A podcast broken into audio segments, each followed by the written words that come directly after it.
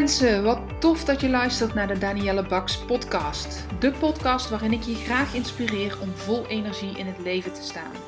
Wat kun je doen om meer werkgeluk te ervaren? Hoe kom je erachter welk werk nu echt bij je past? En op welke manier verover jij dan jouw droombaan? Luister vooral verder als jij meer wil weten.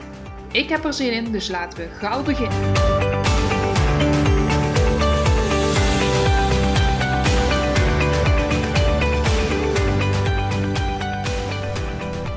Deze podcast opnieuw een gesprek samen met Sandra van den Burgt, HSP H6 coach.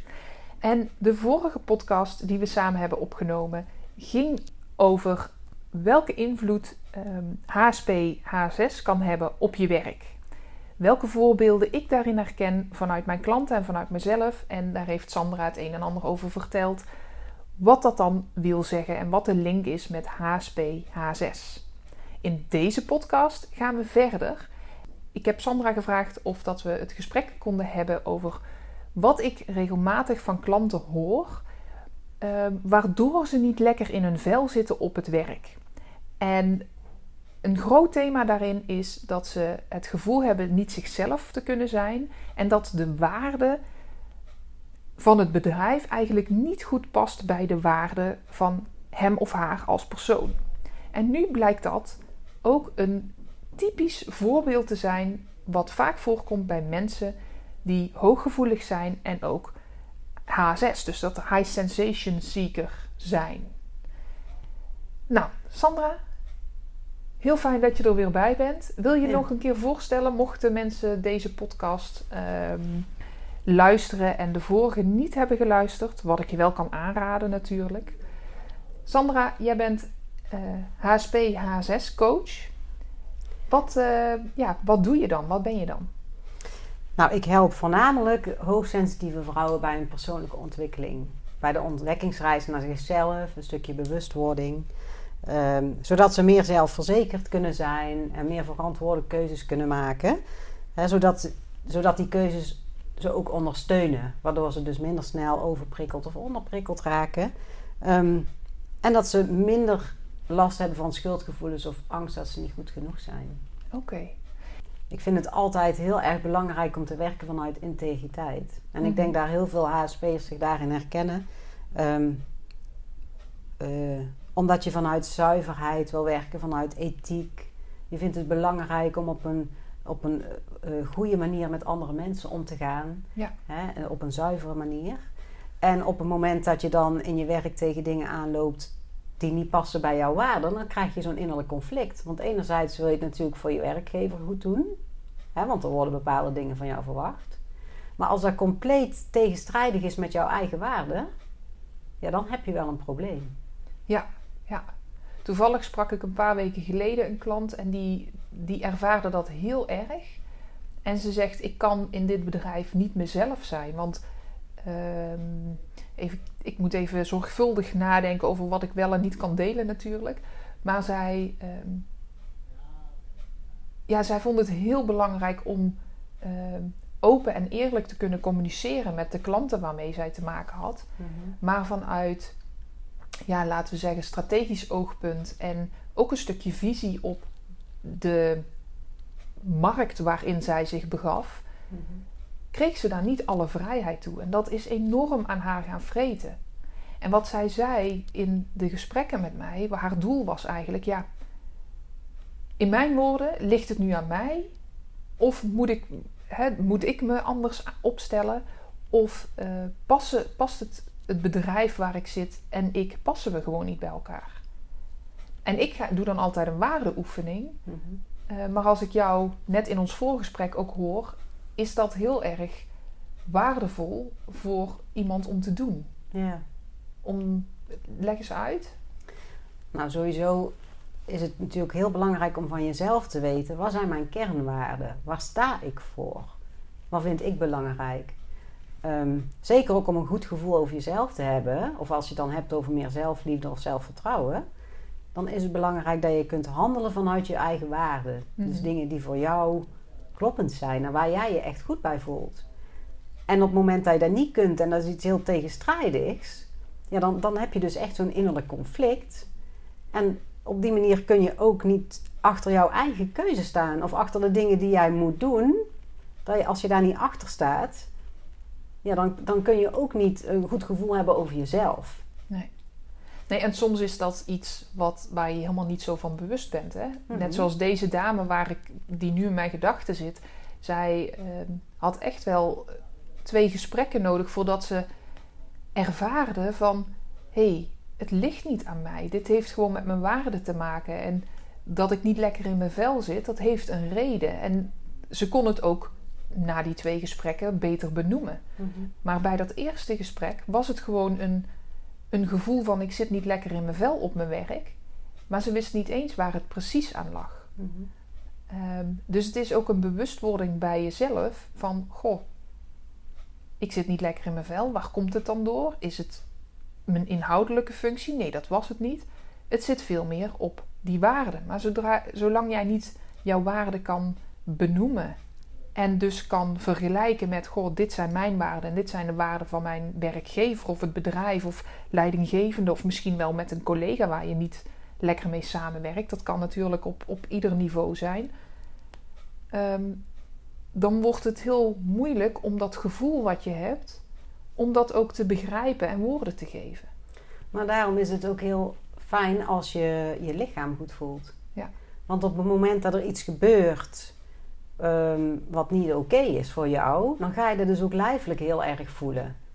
Dus je kunt echt aan je lichaam voelen van, hé, hey, maar wat er nu gebeurt, dat klopt helemaal niet met wie ik ben.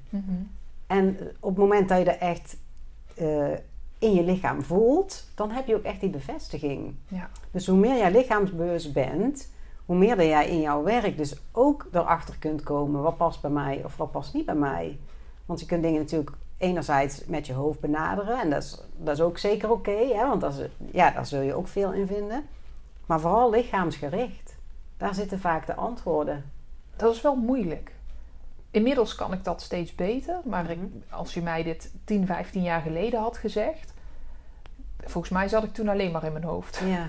Op zo'n moment heb je dus inderdaad nog wel wat te doen. Want als je gewend bent om vanuit jouw hoofd te leven en je hebt die connectie nog niet zo goed met je lichaam, ja, dan, dan is daar werk aan de winkel. Maar het is wel iets wat je gewoon heel goed kunt leren. En hoe word je daar bewust van? Hè? Dat je, want als je het niet weet, dat je onvoldoende voelt en daar wel van alles gebeurt.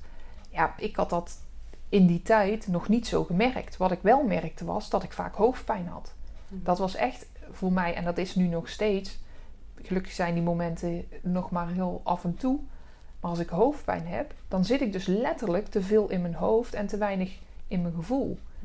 Ehm, maar ja, 10, 15 jaar geleden wist ik dat niet. Nam ik een, een eh, pijnstiller om die hoofdpijn maar te onderdrukken en ging ik door. Helemaal niet bewust van hé, hey, mijn lichaam geeft hiermee iets aan. En heeft dat al veel eerder aangegeven dan die hoofdpijn die ik nu voel.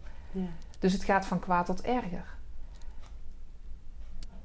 Daarom vind ik het ook zo mooi dat mensen zich, eh, als ze merken ik zit niet helemaal lekker in mijn vel, dat ze het zich kunnen gunnen om daar op een andere manier bij stil te staan. Om niet maar door en door en door te gaan.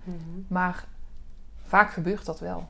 Gaan mensen door, lopen ze tegen de muur aan en zijn ze dan, moeten ze dan wel in gesprek met iemand omdat ze het niet meer weten. Ja. Ja, ja, en in die zin denk ik ook, ehm, jouw lichaam is altijd eerlijk tegen je. Dat betekent dat als er iets eh, nog niet verwerkt is, of dat je ergens tegenaan loopt, of je bent ergens niet blij mee, dat jouw lichaam signalen gaat geven. Mhm. Dus in de zin van je krijgt ergens pijn, of er zit ergens een kramp, of je voelt dat het ergens niet meer stroomt. Jouw lichaam geeft er haar fijn aan. Nou, ik merkte het al in bijvoorbeeld een vergadering. Hè, nu inmiddels ehm, werk ik niet meer in loondienst, dus heb ik niet meer zoveel vergaderingen. Maar ik weet nog dat er vergaderingen waren waarbij ik of mijn hartslag voelde, of dat ik het warm kreeg, of dat ik ging, ging hakkelend ging praten, of dat ik hele warme wangen kreeg, dat ik echt ging blozen. En dat waren momenten waarop ik nu weet: oké, dit is niet omdat ik iets spannend vind, kan, maar dat, dat konden ook momenten zijn dat ik bij mezelf mocht gaan nadenken: van ja, wat gebeurt er nu? Waardoor slaat mijn hart een keer over? Of waarom voel ik mijn hartslag nu? Ehm, en dat waren dan bijvoorbeeld momenten dat ik dacht: oh, er wordt dadelijk om een mening gevraagd en ik weet het niet. Ik weet geen antwoord. En dan sloeg ik op slot. Mhm. Of als ik hardop iets moest gaan zeggen en ik vond spannend van wat vinden anderen daarvan. Ehm, en zo zijn er in vergaderingen, ja, ik kan honderdduizend voorbeelden noemen. Maar op dat moment, denk daar maar eens aan terug. Als je dit luistert, van goh, wat waren momenten voor jou dat je merkt, hé, hey, in mijn lijf gebeurt iets. En denk je daar dan over na? Of ga je dat da daartegen vechten? Want dat zie ik dan vaak gebeuren Ja. bij, eh, bij klanten. Dan gaan ze er tegen vechten. Ja, omdat ze het idee hebben dat het niet oké is Ja, wat er gebeurt. Ja. ja. Terwijl het juist zo'n zuiver lijntje is. ja, En het zoveel eh, herkenning geeft of zoveel bewustwording van, ah, dit is er aan de hand en dan moet ik op deze manier op reageren. Ja. Hè? En als je er dan ook aangeeft van, goh, wat er nu gebeurt, ik merk dat er iets doet met mij. Op die manier val je eigenlijk een ander niet aan, maar geef je gewoon aan wat het met jou doet en kun je ook een inzicht teruggeven. Ja, een van die voorbeelden, ik zei het net al in een vergadering, was ook. Ik zat dan soms wat, wat ongeduldig op en neer te bewegen op het moment dat we al een kwartier over een onderwerp aan het praten waren. En ik dacht, ja, volgens mij hebben we de conclusie al getrokken. En dan kwam er van iemand opnieuw een, ja, een opmerking of eenzelfde verhaal. En dan werd ik heel ongeduldig, want dan dacht ik, oké, hier hebben we het al over gehad. Laten we een conclusie trekken. Laten we doorgaan. Dat ongeduld. Ja, En dan merkte ik dat in mijn lijf. En dan, wat ik dan de laatste jaren zei: van goh, volgens mij is dit de conclusie. Mag ik deze conclusie trekken? En kunnen we het hier allemaal mee eens zijn? En zo ja, zullen we dan dit en dit. Dus dan ging ik het gewoon samenvatten en afronden en richting dat actiepunt komen. Ja. En dat vonden anderen. Ik vond dat in het begin heel spannend, maar ik merkte later dat anderen dat heel prettig vonden, omdat zij ehm, dat nodig hadden om ook door te kunnen gaan. Ik merk ook dat het soms voor mensen ehm kil voelde en zo van ja, maar wij zijn nog niet zo ver, wij moeten het hier wel nog over hebben. Ja, Mhm. dan was dat vooral iets van mij. Dus, ja. maar door het ja, op een respectvolle manier daarmee om te gaan en dat samen te vatten en vragen van is dit zo oké voor iedereen? Ja, dan wist ik, moet ik, kunnen we door of moet ik nu zelf eventjes eh, op mijn tanden bijten Ja. en het nog even door laten gaan? Dat is wel een enorme kwaliteit dat je, die, dat je de to the point ziet. Hè, van waar gaat het nou eigenlijk over? En dat is ook een kwaliteit van HSP, HSS, dat je het grote geheel ziet. Dat je eigenlijk een soort van helikopterview hebt. Ja. En, en snel ziet van, nou, dit is het punt waar we het over moeten hebben. Dit Ja. is waar het hier om gaat. En dat is wel mooi dat je zegt dat is een kwaliteit, want zo voelde het niet altijd. Mhm, Ja. En ehm, je denkt, tenminste dat heb ik vaak gedacht, ja dat, dat doet toch iedereen? Iedereen merkt nu toch dat we opnieuw hetzelfde gesprek gaan voeren. En iedereen is het er toch mee eens om door te gaan. Ja. Dus dan zei ik niks en dan was ik aan het wachten totdat de, de, de voorzitter die rol nam. En die nam die dan maar niet. Totdat ik op een gegeven moment het stoom uit mijn oren kwam en zei: ja, Hallo, moeten we het hier nou nog een keer over hebben? Ja, dat was dan vaker niet zo gepast. Ja. Dus daardoor heb ik dat ook geleerd. Maar juist mijn lichaam gaf al aan: hé, hey, we, zijn, eh, we, zijn, we vallen in herhaling. En door, dat, door daar heel bewust van te zijn en integer op, op een fijne manier dat te willen uiten, Mhm. ja, dat, dat heeft mij wel geholpen. En Ja. ik denk dat dat voor veel mensen ehm, helpt. Ja, zeker. En daarom is het ook mooi om vanuit jezelf te spreken. Hè, op het moment dat jij zoiets ziet, dat je dan opmerkt van... Goh, ik merk dat er dit en dit gebeurt. Ja. Hè, kun je, en dat je dan even checkt van, kunnen jullie het daarmee eens zijn? Hè, want, en dan heb je gelijk ook je valkuil te pakken. Want op het moment dat jij een kwaliteit hebt... en je bent ergens heel goed in, met name dit dan... dat je ziet van, oh, hier gaat het over... Dat dan de valkuil kan zijn, ja, maar hè, dat, dat jouw mening waar is. En als je op dat moment die valkuil begrijpt van jezelf en je kunt ook even checken hoe zit het bij de rest. Ja, dat voorkomt Dan- dat, je, dan- dat je ongemakkelijke situaties krijgt. Of zelfs een discussie krijgt. Omdat Ja. anderen nog niet zo ver zijn. En dan heb je gelijk ook de verbinding te pakken waar, zo'n, waar een HSP'er ook zo gelukkig van wordt. Ja, ja, die harmonie en die verbinding met z'n allen en het samen doen. ja. Ja. Dus als ik het eigenlijk concludeer, is het, en zo heb ik dat zelf ook wel ervaren, maar wat ik je hoor zeggen, is het heel eh, goed om bij jezelf na te gaan: wat merk ik? En hoe beter je dat weet, hoe beter je daarmee dat kan uitspreken. En je eigenlijk je collega's of hè, dit, dit komt natuurlijk ook privé, in privé situaties voor. Mhm. Maar dat je eigenlijk gebruik maakt van je talent en daar meteen de ander van mee laat profiteren. Ja.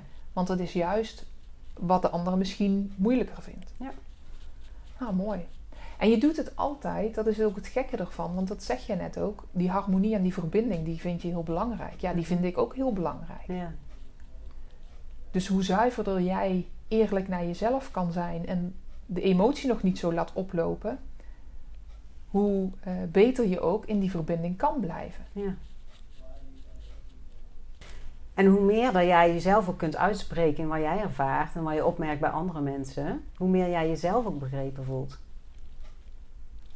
Leg eens uit. Ik moet hem nog een keer horen, denk ik. Ehm, iemand die hoogsensitief is, kan zich vaak ook anders voelen dan anderen. Eh, doordat diegene juist heel veel aanvoelt en misschien eerder overprikkeld is. En wat langer de tijd nodig heeft om over dingen na te denken. Of juist heel snel. Of juist heel snel dingen weet en, ehm, en juist die behoefte heeft aan vernieuwing en verandering. Kan het heel goed zijn dat je je dan helemaal niet begrepen voelt. Veel hoogsensitieve personen voelen zich anders. Ehm, maar op het moment dat jij je goed kunt uitspreken en kunt aangeven, maar dit gebeurt er nu met mij. En dit is wat ik ervaar en dit is wat ik bij andere mensen opmerk. Dan zullen andere mensen jou ook veel eerder begrijpen. Mhm. Dan dat je er niet zegt en in je schulp kruipt. En ja, Ja. Ja. Ja, dat laat mij weer terugdenken aan bepaalde keuzes die dan ooit in een bedrijf gemaakt worden, waar ik te maken mee heb, maar wat ik bij klanten hoor en wat ik, hè, net noemde ik al een voorbeeld van die dame, ehm, wat dus helemaal niet bij haar waarde past. Nou, zo heb ik ook voorbeelden en zo heb jij als luisteraar denk ik ook voorbeelden, dat je denkt, oké, er worden dingen besloten, dat is voor het bedrijf goed of dat is voor de belangen van het bedrijf goed. Maar als jij dan degene bent die het moet uitvoeren richting de klant of de cliënt, of, nou dan kun je dus wel eens in, in conclaaf komen met: ik weet niet goed waarom dit niet goed voelt, maar ik vind het niet prettig. mhm. En wanneer je heel duidelijk weet: dit zijn mijn waarden, dit vind ik belangrijk, en je hebt daar al eens woorden aan gegeven, wat ik dus met, met klanten doe wanneer ik zo'n waardeoefening doe, dan geven we daar woorden aan. En wanneer je dat goed van jezelf weet, dan kun je dat ook op een respectvolle manier aangeven. Mhm. ja. Dan, dan, dan kun je datgene wat je merkt dat er ergens in je lijf gebeurt, wat niet fijn is, kun je woorden geven, want dat herken je al. Je Ja. kent jezelf beter. En dat is iets ehm, wat ik bij heel veel mensen die denken: oh, maar ik weet wel wat mijn waarden zijn en ik weet wel wat mijn talenten zijn. En toch zijn daar nog, nog meerdere diepere lagen in te raken wanneer je ehm, in gesprek gaat met iemand. Ja, zeker. Ja. Ik merk dat bij klanten ook, die bijvoorbeeld ook echt er, er tegenaan lopen dat ze bepaalde ideeën hebben over eh, hoe het op het werk zou moeten gaan. En waar ze mensen ontzettend mee kunnen helpen op gevoelsniveau. En dat er aan de andere kant ehm, vanuit de, eh, de hogere Het management. van, ja. Dus dat er vanuit het management dat bepaalde dingen wordt tegengehouden, omdat dat dan meer op zakelijk vlak Ja. wordt benaderd. En daarmee kun je natuurlijk ook echt een innerlijk conflict krijgen. Ja. Omdat jij ziet van, vanuit het gevoelstuk, wat, wat is hier nou aan de hand en wat is er nou echt heel erg belangrijk. Ja, en als het ander het alleen maar vanuit zakelijk oogpunt ziet, ja, dan krijg je natuurlijk echt een intern conflict. Ja. Waar je zelf best wel veel eh, last van kunt hebben, omdat jij die waarden zo belangrijk vindt. Ja, mooi. Dus des te meer reden eigenlijk om ehm, ja, eens goed te kijken naar welke waarden vind je nu belangrijk. Ja. En een mooie oefening is om gewoon een waardehiërarchie te maken. Als je het googelt, kom je er vast wel bij uit. Dat is ook een oefening die ik met klanten heel vaak doe. Ehm, en ik merk dat klanten dat heel lastig vinden, heel moeilijk vinden om te doen. Maar ook het opschrijven en het echt doorvoelen en woorden geven en uitleggen aan iemand anders. En dat ook teruggespiegeld krijgt. Mhm. Ehm, daar, daar zit het, het goud in, zeg maar. Daar Ja. ga je echt ehm, die laag dieper. Waardoor dat ja, bijvoorbeeld ehm, erkenning in je werk belangrijk vinden, of het menselijke, of het samen doen. Ja. Ja, wat betekent dat dan? Ja. En wanneer is, waar ligt voor jou die grens? Want die grens aanvoelen bij jezelf, daar hadden we toen straks in het voorgesprek ook al over. Ja. Dat is ook nog wel een dingetje. En dat is eigenlijk de allereerste stap. Ja. En hoeveel mensen gaan niet gewoon door en zijn helemaal niet bezig met hun eigen grenzen, maar gaan maar door en door. En omdat ze denken, ja, maar ik moet het wel goed doen, of die ander moet me accepteren. Of... Maar waar liggen jouw grenzen eigenlijk? Mhm. Dat komt daar nog voor. Nou, en ook wat ik ook wel een mooi voorbeeld vind. Je kent misschien vast wel zo'n plaatje van allemaal vogeltjes op een rijtje. Waarvan één vogeltje de andere kant op kijkt. Mhm. Eén vogeltje is anders dan de rest. En soms kun jij, dat, kun jij je als dat vogeltje voelen. Zo anders als de rest. Maar zo'n vogeltje wel- heeft wel een heel andere visie. Mhm. Maar ook juist enorm waardevol kan zijn. Ja, voor de rest. Ja. Dat, en wat, wat, wat je zegt, je bent dan misschien geneigd om je mond te houden omdat je die andere visie hebt. Ja. Maar juist door je uit te spreken, kan je van enorme toegevoegde waarde zijn. Ja. Ja. En daar is dan wel weer dat zelfvertrouwen voor nodig. ja. En daar is werk aan de winkel. Ja, zeker. Daar is zoveel moois in te behalen. Ja. Willen we nog iets kwijt om dit verhaal rond te krijgen? Nou, belangrijk is dus bij jezelf na te gaan eh, wat jouw waarden zijn, eh, hoe je dat innerlijk voelt. En het bedrijf waar jij werkt, past dat dan daadwerkelijk bij jou? Past dat bij jouw waarden?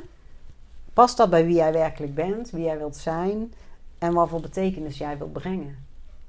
Nou, en ik kan me voorstellen dat wanneer je de vorige podcast of deze podcast hebt geluisterd en je hoort Sandra en mij praten over en werk en HSP, HSP, H6, de onderwerpen die we hebben benoemd, dat je denkt, ja, ik heb hier eigenlijk nog wel veel meer vragen over. Je kunt natuurlijk altijd contact met één van ons opnemen. Je mag ook een mailtje sturen met je vraag, want Sandra en ik zijn van plan om vaker podcast op te nemen. En dan nemen we jouw vraag heel graag in, ja, in behandeling. Dat mag anoniem, daar zullen we je naam niet, eh, niet bij noemen. Maar ik denk dat het goed is. Ik denk namelijk dat er best veel klanten van mij ehm, ja, dit, dit zullen herkennen en hiermee worstelen. En ja, Sandra, ik kan me voorstellen dat mensen die al weten van goh, HSP, H6, daar herken ik me in, daar worstel ik mee, dat die ook uiteindelijk op hun werk achter dingen komen. Dus zo, zo zien wij heel erg die relatie. En dan willen we gewoon ja, meer over delen. Dus mocht je vragen hebben, schrijf een van ons aan. En dan eh, is dat voeren voor ons voor een volgende podcast. Zeker.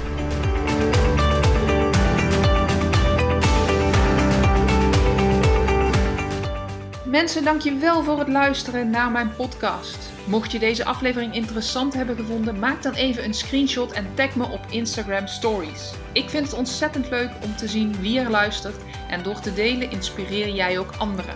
Hartstikke bedankt alvast en tot de volgende keer.